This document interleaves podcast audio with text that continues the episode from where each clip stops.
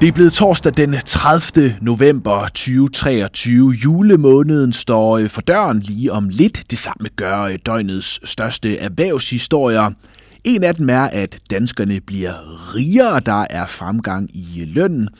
Vi skal også omkring dyre benzin og flere flyrejser fra København. Mit navn er Lasse Ladefod. Her er din morgenbriefing. De seneste par år, hvor inflationen har været høj, der er danskernes købekraft blevet udhulet. De højere priser har gjort, at man kan få mindre for de penge, man tjener. Lønudviklingen har ikke kunne følge med, men det kan den nu. Det kan du læse på forsiden af dagens børsen. Nye tal fra Nykredit viser, at danskernes realløn vokser i et øh, højt tempo lige nu. Det sker, at danskerne kan notere store lønstigninger, og det er på et tidspunkt, hvor inflationen faktisk er tilbage tæt på 0. Dermed er danskernes øh, økonomi også godt rustet til at håndtere de højere renter, som øh, lige nu skyller ind over for eksempel boligejerne. Ifølge tal fra Dansk Arbejdsgiverforening, så var lønstigningstakten i tredje kvartal på lige under 5 procent, når man sammenligner med samme kvartal i 2022. For rigtig mange danskere, der opvejer de lønstigninger, de højere renter, de lige nu skal betale på for eksempel boligen. Til tophistorien hos Jyllandsposten Finans. Lige nu hastebehandles en øh, ny lov i Folketinget. Den betyder, at benzin, diesel og det olie og gas, der bruges til opvarmning, det bliver omfattet af EU's regler for CO2-kvoter. Ifølge Finans betyder forslaget, at øh, der er en regning på vej på 4,7 milliarder kroner til øh, bilister og varmekunder, altså de øh, varmekunder, der opvarmer med gas. For eksempel så kan kvotereglerne øge prisen på en liter benzin med 1 krone og 9 øre. Energiminister Lars Ågaard fra Moderaterne siger til Finans, at ekstra regningen er nødvendig for at nå regeringens CO2-mål, og han mener, at de øh, 4,7 milliarder ekstra er, citat, rimeligt.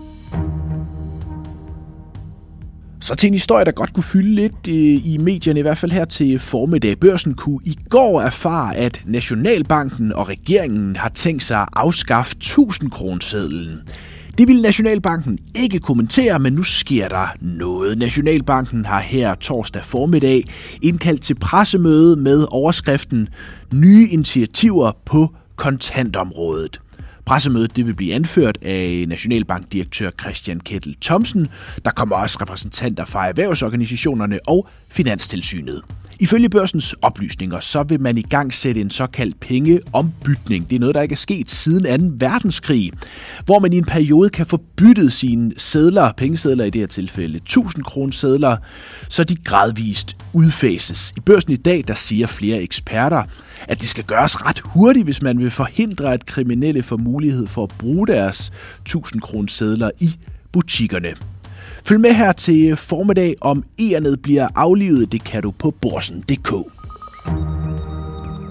Så skal vi en tur i øh, luften, i hvert fald ud i lufthavnen. Norske Norwegian var lige ved at gå ned under coronakrisen. Men selskabet overlevede, og nu er man klar til at give den endnu mere gas i København. Norwegian har netop indvidet en ny hangar i Kastrup, som tredobler kapaciteten, og det er selskabets anden store ekspansion i Kastrup på blot et år. Topchef i Norwegian, Geir Carlsen, siger, Rejseløsten fra København er større, end vi troede for et år siden. Danmark er et rigtig vigtigt marked for os, og derfor bliver vi ved med at øge vores engagement her siger altså øh, Norwegians topchef til børsen. De nye destinationer er blandt andet populære turistmål som Milano og Bari i Italien, men også Wroclaw i Polen og Tivat i Montenegro. Som jeg nævnte i starten af briefingen, så dykker inflationen mange steder lige nu. Det gælder også i Danmark. Men det betyder ikke, at centralbankerne nødvendigvis har tænkt sig at sætte renten ned lige forløbig. Det vurderer øh, den store samarbejdsorganisation OECD i en ny prognose, skriver Berlingske. Organisationen forudser, at renten i både øh, Federal Reserve og den europæiske centralbank vil ligge på 4% ved udgangen af 2025. Der bliver lige nu spekuleret i, om man indleder rentenedsættelser næste år, hvis væksten falder, Men det tror øh, OECD altså ikke på. Man tror, man vil vente ind til kerneinflationen er kommet meget længere ned. Og OECD skriver, at øh, vi, citat, måske ikke vender tilbage til de meget lave niveauer, som var fremherskende før pandemien, skriver OECD ifølge Berlingske. En af de store trækheste lige nu i global økonomi, det er USA, Danmarks vigtigste marked. Og her er der gode økonomiske nyheder. USA kom bedre end ventet gennem øh, tredje kvartal. Onsdag blev den annualiserede BNP-vækst opjusteret til 5 5,2 procent i tredje kvartal. Det betyder, at hvis øh, væksten holdt hele året, så ville årets BNP-vækst være 5,2 procent. Det tidligere skøn hed øh, 4,9 procent, og BNP-væksten slår forventningerne, skriver CNBC. Det var ikke noget, der kunne vække øh, vild jubel på aktiemarkedet. De ledende amerikanske indeks lukkede onsdag tæt på 0.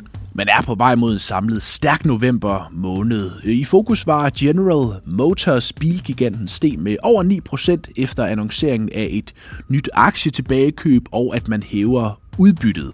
I Danmark var de grønne aktier for en sjælden gang skyld i år i front, var med til at trække sig 25 i et samlet plus på halvanden procent.